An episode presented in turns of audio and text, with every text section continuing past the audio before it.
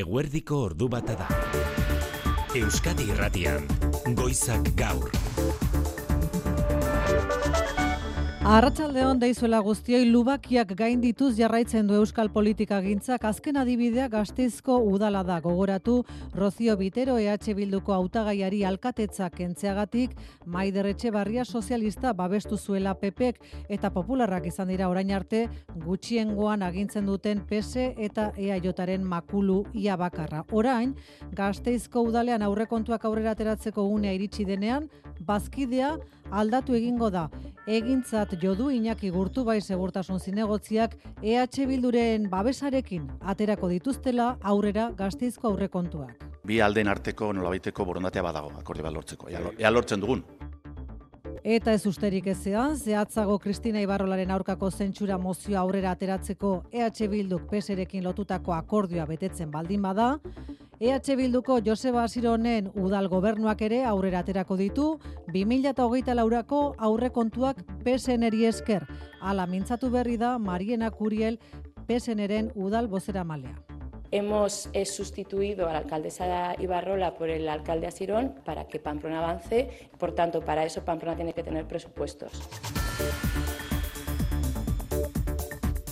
Eguneko beste lerroburuetan inigo alusti zarratxaldeon. Baita zuri ere maite. Eta kiltzuenetik hogeita bost urte pasa badira ere, Manuel Zamarreño errentiriako zinegotzi popularra zenaren alabak, uste du Espainiako auzitegi nazionalean gaur hasi den epaiketak balioko diola azkenean familiari zikloa isteko. Ona iristea ja lorpen bat da. Eta niretzako ona hemen egotea, behaien aurpegiak ikustea, e, niretzako e, ziklo bat izten du eta nire bake, barne bakearentzako hori nahikoa da. Fiskaltzak egun da hogein aurteko espetxe zigorra eskatu du Xavier Gartzia Gaztelurentzat eta Irantzu Gaiastegirentzat mila bederatzen da laro eta emezortziko ekainaren hogeita bostean Donostia komandoko kide izan eta moto batean jarritako lehergailua zartarazi izan aleporatuta zamarreño hil eta haren bizkartzaina larri zauritu ziren atentatuan bi akusatuek uku egin diote deklaratzeari. Azken ordukoa da eta albistegian emango dizkizu eguxietasunak Zerunion enpresak uko egin diela Euskal Autonomia Erkidegoko ikastetxe publikoetan jangela zerbitzua emateko zituen kontratuei. Jokin Bildarratz hezkuntza sailburua oraintxe ari da ordu batean hasita azalpenak ematen eta haren azalpenen berri izan orduko eskainiko dizkizuegu. Ipar Euskal Herrian bien bitartean laborariek eutxi egiten diote errepiden blokeoari gutxienez bihar arte jarraitzeko asmotan. A, irurogeita iru autobidea, naturri gaineko zubia bi norantzkoetan ez ezik, baiona inguruko hainbat biribilgune garrantzitsu ere blokeatu dituzte gaur laborariek, traktoreak eta kamioiak erabiliz, Jan Bernard Dolosor FDS-ako sindikatuko kidea. Esperantzarik uh, badu, esperantza. Zen, uh, gero eta gehiago aia muntatzen, Frantzia usian uh, aia muntatzen eta gazte alde bat eta laborari alde bat uh, manifestatzen. Kesu bali madie eta gero abantzatzeko manera izein da. Nazioartean Errusiako Defentsa Ministerioaren arabera, Ukrainako armadak bota du behera, ekintza terroristan elkartruke baterako, irurogeita bost preso Ukrainar zera matzan, egazkin militar Errusiarra. Ukrainako armadako iturriek ordea beste bertsio bat zabaldu dute, preso Ukrainarrak ez baizik eta misilak zeramatzala Errusiako armadako egazkinak, Errusiako Belgoro deskualdean, Ukrainarekiko muga onduan erori da egazkin militarra, armada Ukrainarraren erasoak ohikoak diren ere muan. Gai ez bat aldatuta turismoa hirietatik herrietara eramateko helburuz zabaldu da edo zabaldu du Euskadik gaur bere erakustokia Madrilgo Fitur nazioarteko turismo azokan. Grand Tour Euskadi Bass Country izenburupean zortzi etapako ibilbidea prestatu du basketurrek Daniel Solana zuzendari nagusia. Hori da Grand Tour, Euskadiko Grand Tour. Etapatan Euskaditik bidaiatu, askotan hirietan jende asko dago. Geuk nahiago dugu jendeak turistak beste herriak edo aranak edo mendiak ez ezagutxera beste lekuak. Eduardo, Eduardo Txillida eskulturearen erreferentziak dira nagusia urten Euskadiren erakustokian, haren jaiotzaren mende hurrenean, Nafarroak ere zabaldu berri du, bere erakustokia, turismo jasangarria eskainiz, estatuko turistez, arago nazioartekoak erakartzeko helburuz. Baionan eta mugan ere bai izan litezkeen gora berak alde bat erautzita, errepidesaren nagusian ze beste eragozpen ordu honetan anain zauzti? Arazoak eta ez txikiak ape bat errepidean legution, bi kamiren arteko ez izan da, gazteizerako norantzkoan, horietako bat irauli eginda eta gidaria zaurituta erietxera eraman dute bada istripuaren ondorioz gazteizerako bidea guztiz itxita dago. Eibarrerako bidean errei bat ireki dute eta bi norabidetan ez aurrera ez atzera geratu diren autoak bypass baten bidez ari dira ateratzen. Une honetan autoilarak daude esamezala bi norantzkoetan eta guztiz itxita gazteizerako bidea. Naiara Barredo Euskalme eta Arratsaldeon. Kaixo, Arratsaldeon. Ba, atzotik gaurrera aldaketa hundirik ez, ezta? Hori da, bai, bai, giro gokorrarekin jarraituko dugu, arratsaldean ere zerua oskarbi agertuko da, eta ize ere osa ulibiliko da, eh? kostaldean brisapur batekin gauzak horrela, gaur ere temperatura, ba, kantauri aldeko hainbat txokotan, hogei gradu ingurura erisliteke, eta egualdean berriz, amasei amazazpe gradu inguruan geratuko da. Eta bihar ere antzera? Bai, hildo beretik jarraituko dugu, e, nabardura txiki batzuekin hori bai, izan ere goizean e, iparraldeko aizea sartuko da, horrekin batera e, odeiak ugarituko dira, eta beraz bihar kantauri suri aldean, ba, hainbat momentutan zerua gaur baino lainotuago ikusiko dugu. Bihar arte nahiera. Aio, bihar arte. Jose Maria Paula Zarratxaldeon. Arratxaldeon, maite. Reala kopako final aurrekoetan da, ea atletikek gaur zer egiten duen. Eta izkilarriz jarri behar da. Aro historikoa bizitu Euskal Herriko futbolak eta datuak daude. Baziren berrogei urte, Espainiako kopan horren era jarraituan Euskaldunek final aurrekoak jokatzen ez zituztena. Bosgarren urtez jarraian, gutxienez Euskal talde bat izango dugu, Reala. Eta gaur bederatzi terdietan Atletik Barcelona partida. Atletikek berak ere mugarria jarriko luke, gaurkoa gainditu ezkero segidako bosgarren final aurrekoa izango lukelako. Eta Iñaki Williams ere partidarako prest da Afrikako patik kanpo geratu da gana nonai zernaitarako aideratzen diren negazkin partikular batean egindu gaur Paristi Bilborako bidaia. Eta kontratuak ere badira, alabesek rebaki 2000 eta hogeita zortzir arte luzatu dio lotura, eta Baskoniak Theodor jokalari veteranoa fitxatu du joko antolatzaile lanetarako. Kulturan, Manu Etxe sortu arratsaldeon. Kaixo maite. Ondarroako beiko zini edo Ondarroako kafe antzokiaren itxiera da gaur bai, bukatu da Ondarroako beiko ziniren bidea. Arduradunek ohar baten bidez jakinarazi dute hitz hitz eskerronez eta pena hundiz beiko zini azken geltokira heldu dela. Ohar berean diote tamalez ezinezkoak gertatu zaiela Ondarroan orain bederatzi urte terdi hasitako proiektuarekin jarraitu alizatea.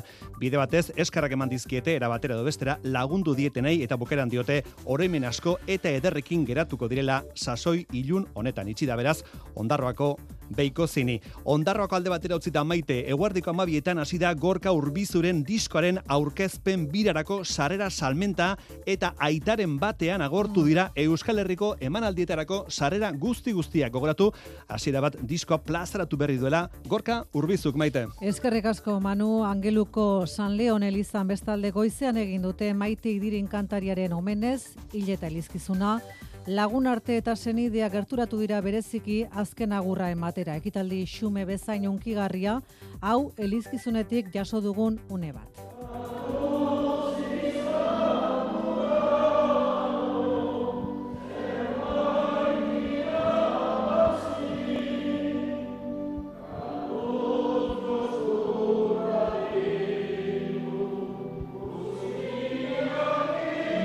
Etxar tabeslariak ere abestu du beste une batean albistegiaren amaieran xehetasun gehiagorekin emango dizuegu maite idirini eskaini zaion azken aguraren berri.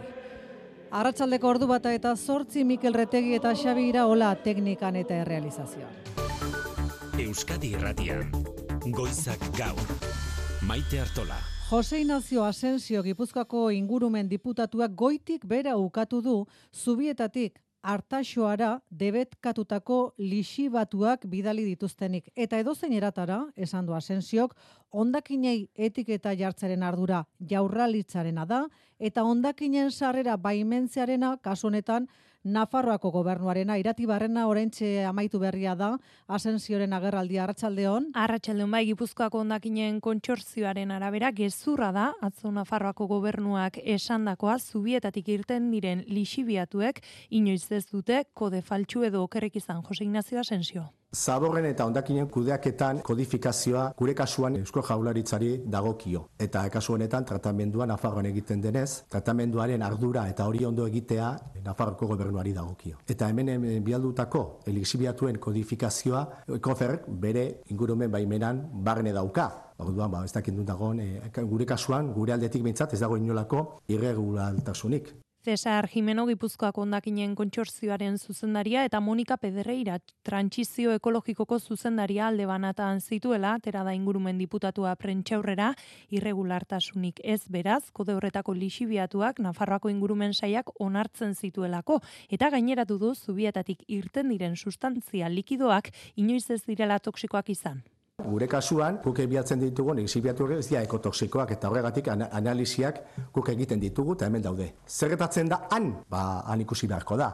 E, baina nasketak ez ditugu guk egiten, ekofer eta belekin ingo dituzte. Eta jakin, bar, e, jakin barko lukenak da, e, noski, e, Nafarroko gobernua. Artaxoako ekofer sansoain ondakin instalazioa itxita zubietako lixibiatuak orain bizkaiko sader instalazioa eramango dituzte. Hogeita maika ordu jada Fedeseako laborariek airurogeita iru autobidea blokatu dutela baionan, ipar baionan eta itxura guztien arabera hor jarraituko dute gutxienez bihar arte. Hori da laborariek esandakoa mezu argi bat entzun arte mugimendua ez dutela geratuko eta beraz auto hiladek jarraitu egingo dute. Gaur ala ere, harinagoak baionaldeko irigune aldean sentitu dira bereziki baionan biharritzen eta angelun andoni lizea gaurera arratsaldeon. Arratzaldeon bai, bigarren mobilizazio eguna baionan, txandakari dira, FDH-akoak, aturri gaineko zubian, une oro, berrogoi bat laborari eta hogeita mar bat traktore, airuro eta iruan, ipar baionan. Itxaropen zu dira, autetzien artean gauzak e, mugitzen hasi baitira, Jean Bernard Dolos horrek errandigunez. Bai, esperantzarik uh, badugu esperantza. Zen uh, gero eta gehiago aia muntatzen, Frantzia usian uh, aia muntatzen eta gazte alde bat eta laborari alde bat uh, manifestatzen. Eitzen dugu eta politikak kesu dira. Eta ek kesu bali madie eta gero abantzatzeko manera izin da. Mezu argi baten zain, segitzeko presberaz, sektorean gauzak arrunt komplikatu baitira. Bai, pisu da eta administrazioak pisatzen gaitu eta hainitz izan animalientzat beti papera galde, beti, beti papera galde, izan... Trafiko astuna gaur ere, hilada handiak goizean, batez ere baiona erdigunean sentitu da ibilgailu metatze hori. Jendarmen presentzia eiei dagokie trafiko eskumena, Grand Basque itzulugunean adibidez gurpilak jarri, gurpilak endu aritu dira manifestariak eta jendarmeak, baina interbentzio argirik ez. Polizia etortzen da gure ikustea, eta ongi, denak ongi pasatzen dien, eta ongi pasatzeko, eta istripuik ez izateko.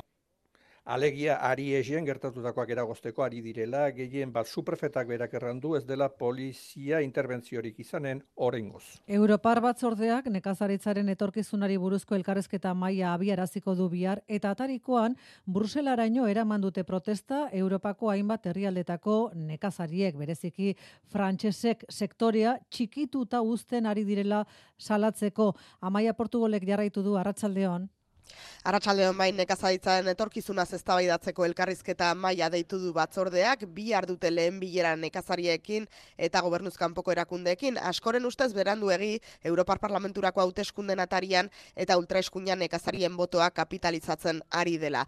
Bruselako elkarretaratzea Europar Parlamentuaren aurrean Frantziako estatuko errepidetakoak baino askoz ere lasaiagoa izan da, ehun bat lagun nagusiki frantsesak baina baita Irlandarrak eta flamenkoak ere besteak beste salatu dute Europar politika berdeak beren sektorea txikitzen ari direla.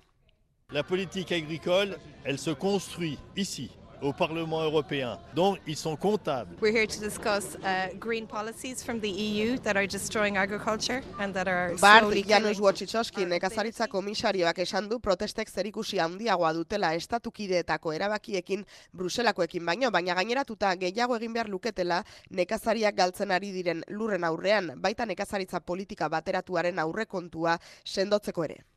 We are hearing uh, very carefully farmers' voice and uh, we will take into account this voice in our Maro Sefcovic batzordearen presidente ordeak dio, oreka bilatu beharko dutela elkarrizketa mailan sektorea lehiakorra izateko eta planeta errespetatuta. Goizak gaur. Gasteizen alderdi sozialistaren eta EAJaren udal gobernuaren eta EH Bilduren artean akordioa gauzatzear da itxuraz. Jarrerak gertu daudela bi aldeek aitortu dute eta akordioa gauzatu alizateko epeak luzatzea adostu dute zuzenketen eztabaida ostiralera atzeratuta. Adostasun honek e, Gasteizko udal gobernuak euskarri nagusi izan duen peperekin jarrerak aldendu egin dira bera Zainara Rubio Gasteiz Arratsaldeon. Arratsaldeon aurrekontuetarako elkarrizketa bide bakarra une honetan EH Bildurekin dute zabalik PSEek eta EAJak ez dirudi urrun akordioak baina denbora irabazi nahi izan dute zuzenketen eztabaida gaurtik ostiralera atzeratuz bi aldeen artean borondatea egon badagoela nabarmendu du Iñaki Gurtu bai alkate ordei jeltzaleak. Ez nuke esango sorian gaudela baina egia esan nik uste dut bi aldeen arteko nolabaiteko borondatea badago akordio bat lortzeko. Ea lortzen dugun. Peio Txandiano EH Bilduren lehen dakari gaiak ahalegin berezi egingo dutela agindu du Radio Euskadin. Guk borondate guztia daukagu, akordio horiek eh, herri honek dauzkan erronken e, tamainakoa direnean, akordio ditan egoteko hori da gure bokazio eta gazteizen ere bai. Beraz, guk alegin berezi bat egingo dugu, ba, gazteizen egon dadin e, aurrekontu akordio bat, ba, peserekin eta eagotarekin. Bitartean investidurarako bakarrik ez legealdian hainbat neurri aurrera ateratzeko ere Maider Etxebarria alkateak PP izan du Euskarri nagusi eta gaur haserre mintzatu da Peperen bozera maia Ainoa Domaika. Pero esto es una muestra más de la chapuza de Comisión de Hacienda Momentu balizko akordioaren inguruko baloraziorik ez dute egin, baina joan den astean argi utzi zuten popularrek ez dagoela eurekin akordiorako tarterik sozialista eta jeltzaleen borondate faltagatik. Iruñan udal gobernu berriak oraindik ez du aurrekontu proiektu aurkeztu, baina jada alderdi sozialistak prest prestutasuna erakutsi du aurrekontu hoiek ahalbidetzeko baldintzak gisa jarri du zentsura mozioaren akordioan PSOEk EH Bildurekin sinatutakoa betetzea. Hau da, Sarasate pasealekuaren berurbanizazioa edota elkarbizitzari lotutako konpromiso politikoak Aitor Perez Iruña Arratsaldeon Arratxaldeon bai, Joseba, Siron buru duen udal gobernu aurrekontu proiektu osatzen ari da eta lan horretan eskuartzerik ez duela dio alderdi sozialistak ala ere Marina Kuriel udal bozera mailak onartu du zentsura mozio aurkezteko negoziaketetan jada aurreratu zituztela 2008 laurako aurrekontuetan ezinbestekoak ziren baldintzak. Esaterako sarasate pasealekoaren berrurbanizazio martxan jarri edo pio amabigarrena etorbidearen korridore jasangarria amaitu. Hain zuzen ere, azken orduetan udal gobernuak lehentasun gisa aipatu dituen proiektuetako bi. Abenduan hitzartutakoa sozialistentzako berme bat dela dio kurielek eta baikor mintzatu da proiektuan euren ekarpenak txertatuko dituela udal gobernuak debe recoger nuestras aportaciones y compromisos compromisos políticos donde la convivencia que sienta las bases gain elkar bizitzari lotutako konpromiso politikoak ere exigituko dituela aurreratu du Iruñeko sozialisten udal bozera maileak izan ere zentsura mozio albidetu zuen. Akordioan elkar bizitza plana garatuko zela adostu baitzuten alderdi sozialistak eta EH Bilduk. Pesenek ez du baiezko botora edo abstentziora joko duen zehaztu baina ez ustekorik ezean ziurtzat jo daiteke udaberrirako Iruñak aurrekontuak izango dituela. Ordu bata eta emezortzi minutu dira. Barne bakea zitzegin du gaur naiara zamarreño. Etak duela hogeita urte hil zuen Manuel Zamarreño errenteriako pepeko zinegotzia zenaren alabak. Azkenean iritsi baita epaiketa eguna hilketagatik eta Zamarreñoren bizkartzainaren hilketa aleginagatik akusatuen aulkian eseri arazi dituzten Xavier Gartzia Gaztelu eta Irantzu Gailastegi etakidek uko egin diote gaurko saioan deklaratzeari. Eunda hogeina urteko espetxe zigorra eskatu du fiskaltzak beraientzat. Mikel Arregik jarraitu du gaurko saioa Arratsaldeon Mikel. Kaixo Arratsaldeon bai, Manuel Zamarreño PPko zinegotziaren kontrako atentatuaren epaiketaren lehen saio auzitegi nazionalean aulkian eserita bi akusatu, Irantzu Gaiastegik eta Xavier García Gazteluk egin diote gaur epaimai aurrean erantzuteari. Bai, e, ez dut ezer esango, ez dut ezer erantzungo eta ez dut honetan parterik hartuko beraz, e, uko egiten diote defentzari.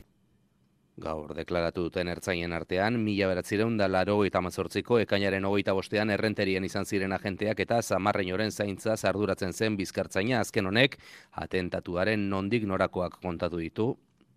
El compró el pan cuando salió de comprar el pan, le dejé que me rebasara. Zamarreñok ogia erosi zuela esan du, bera atzetik oinez, laupabos metrotara zioala bombak estanda egin zuenean. Ertzain honek azaldu du, zauri larriak izan zituela eta urtebetez bajan izan zela atentatu ostean. Gaurko saioa, bertatik bertara jarraitzen izan dira bestalde, Manuel Zamarreñoren senideak nahiara alabak esan du, epaiketa hogeita bosturte berandu etorriarren aurrera pausu badela egiaren eta erreparazioaren bidean poza, ez, ze hogeita bosturte pasadia, berandu iristen da, baino gutxienez, ba, iritsi da momentua, eta horrelako urrak eta bizi duen bik, edo zein biktima, ba, justizia eta hieren merezimendua dauka.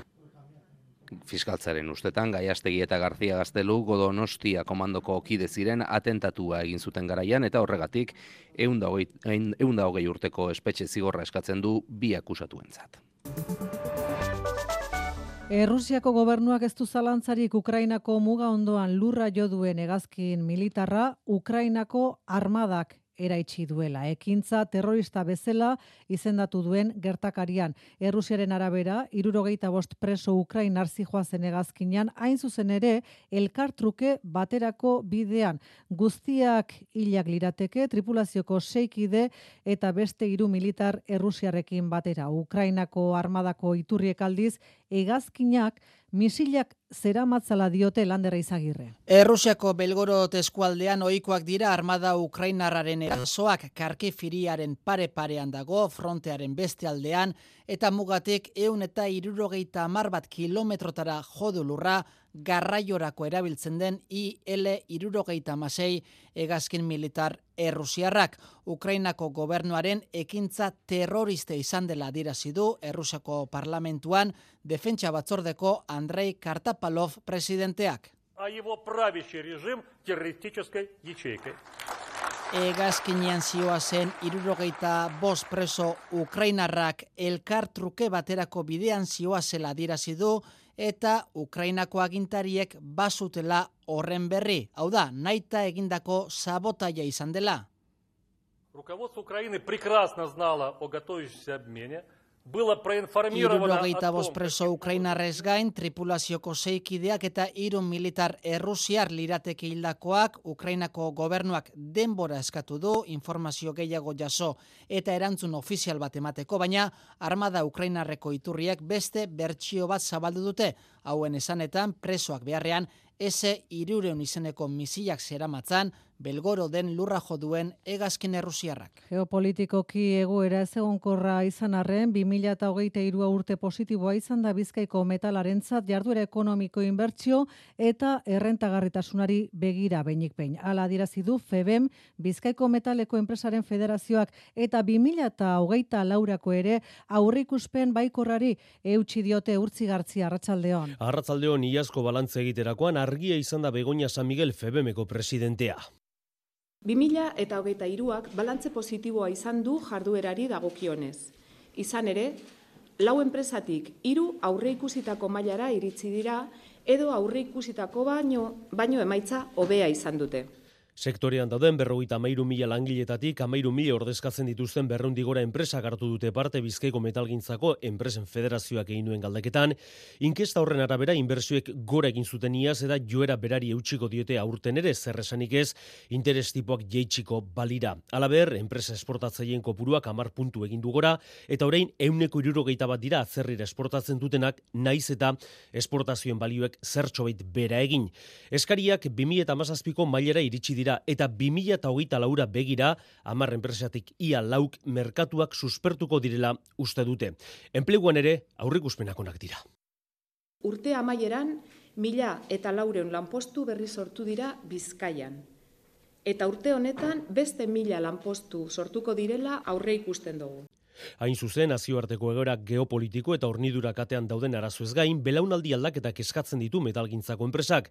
Gero eta gehiago dira euskulan kualifikatu bila zerrira jotzen dutenak, baina langile ez gain, ingeniari eta ekonomilariak behar dira bizkaiko metalgintzan. Madrilgo fitur turismo azokak zabaldu berri ditu ateak, turismoa hirietatik herrietara eramateko helburuz aurkeztu duan Euskadik turismo eskaintza Grand Tour Euskadi Basque Country leloarekin. Nafarroak bere aldetik turismo jasangarrian jarri du azpimarra nerea sarriegi ari da fitur azoka jarraitzen arratsalde nerea. Arratxaldeon maite, fiturren berrogeita laugarren edizioak ateak zabaldu ditu, eta parez pare irekita daudeia da, baita Euskadiren erakustokiarenak ere.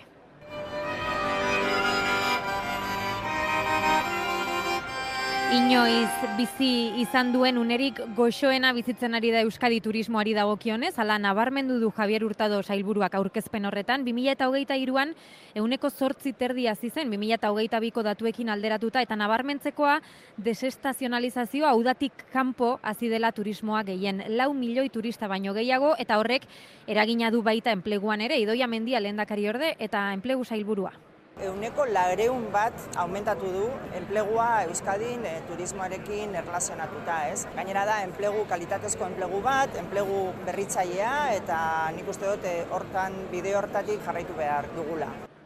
Aurtengo proposamen nagusia, Bizkaia, Gipuzkoa eta Araba zeharkatzen dituen bidaia da Grand Tour Euskadi Bass Country izena jarri diote, bakion hasi eta zortzi etapa eginda Bilbon amaitzen da, helburua da, esan duzu turistak, hirietatik herrietara eramatea Daniel Solana, basketurreko zuzendaria. Hori da Grand Tour, Euskadiko Grand Tour. Eta patan, Euskaditik bidaiatu, askotan hirietan jende asko dago, geuk, nahiago dugu, jendeak turistak, beste herriak edo aranak edo mendiak, ez da beste lekuak. Eunda hogeita mar enpresa bilduko dira egun hauetan hemen, eta urten aparteko garrantzia izango du Eduardo Txillidaren eungarren urte hurrenak. Nafarroak ere orain zabaldu du bere erakustokia, munduko lurralde jasangarrienetakoa dela aldarrikatu du, Rebeka Esnaola turismo kontseiariak, turismo arduratsua ikur, estatuko turistez arago, nazioartekoak ere erakarri nahi dituzte. Bauxego Euskal Herriko eskaintza urtengo fitur azokan sarreran aipatu dizuegu azken ordukoa Serunion enpresak uko egin diela, Euskal Autonomia Erkidego Bilboko ikastetxe publikoetan jangela zerbitzu emateko zituen kontratuei. Jokin Bildarratz hezkuntza sailburuak eman berri ditu azalpenak Maialen Arratibe Larratsaldeon. Arratxaldeon bai, Serunion enpresak Gipuzkoa Bizkaia eta batez ere Arabako amazazpi ikastetxetako jangeletan izandako akatxelarriak tarteko, hezkuntza saiak hilabeteak eman ditu irtenbide baten bila, Joki Bildarrat sailburuaren hitzetan eta azkenean jaurlaritzako zerbitzu juridikoak akordiora iritsi dira enpresarekin kontratu guzti guztiak bertan bera usteko entzun. Zerbitzuak ba, bazitula nolabiteko akats handi batzuk eta guztiontzat hobena izan dena da bertan bera zerbitzu hori guztia eta jakionak kalitatezkoak eskintze horretan ja beste enpresa batzuk sartzea. Sailburuak zehaztu du, datorren otxaiaren bostetik aurrera hasiko direla sektoreko beste enpresa batzuk zerbitzua ematen eta kalitatea babestuko dela ziurtatuta konfidantza eskatu die familiei. Urrengo etapa hasiko dela otxaiaren bostean, eta otxaiaren bostean hasiko diren enpresak, izan, lau lote horiek ematen izango direla, bai auzolagun, bai goini eta bai tabar. Lehen e, zerbitzua ematen zute, beraz, hezkuntza saiarentzat eta jangelentzat e, ezaguna diren e, enpresak izango direla. Horrela ba eta azken bi azken hilabeteotan bi isun ezarri ostean Serunion enpresari esan bezala azkenean kontratu guztiak eten dizkio hezkuntza saiak. Eta beste langatazka batean, gogoratu tubisa gazteizko autobus konpainiako langatazka nolari den gaiztotzen, lehenengo akordiorik lortu ezean, greba mugagabeari ekingo diote, otxailaren amarretik aurrera, inaulteritatik aurrera alegia.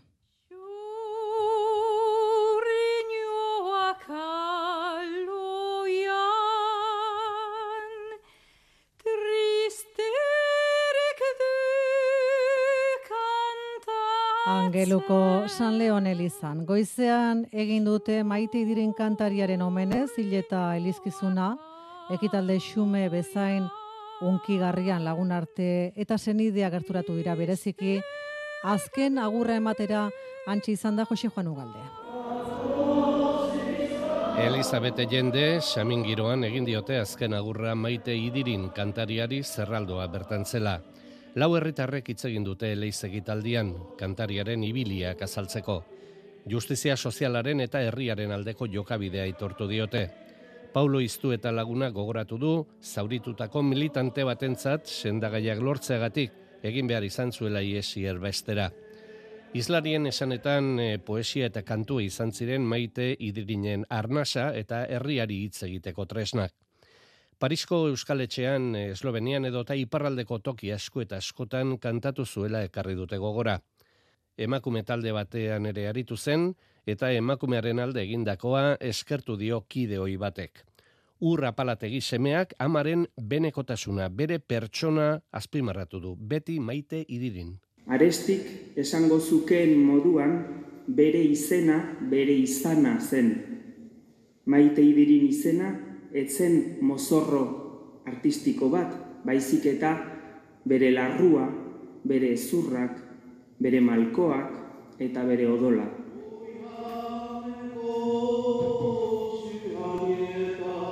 Eliza Barruan Niko Etxart kantaria kantatu du, zerraldoaren aurrean eta atarian aurreskua dantzatu diote.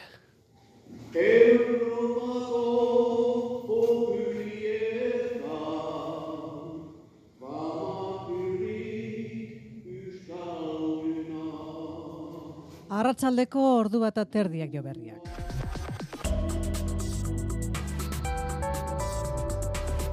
Euskadi Irratian eguraldia eta trafikoa. Ea nola dagoen errepide sare nagusia ordu honetan Luis Eron? Ba, arazo bakarra eta larria AP bat autobidea itxita oraindik ere legution gaztizera bidean bi kamioen arteko istripua gertatu eta gero egoerak luze jo dezake kamioi batetik e, zeraman erregaia atera eta irauli den bestea zuzendu behar baitute. Eta hoxe urrengo orduetarako eguraldiaren pronostikoa. Zeruak oskarbi jarraituko du datozen orduetan ere eta izea oso aulibiliko da, kostaldean brisa apur batekin. Era horretan, gaur ere temperatura hogei gradu ingurura iritsiko da, kanta hori aldeko leku askotan, eta amasei, amazazpi gradu ingurura berriz egoaldean. Beraz, giru egonkorrak jarraipena izango du.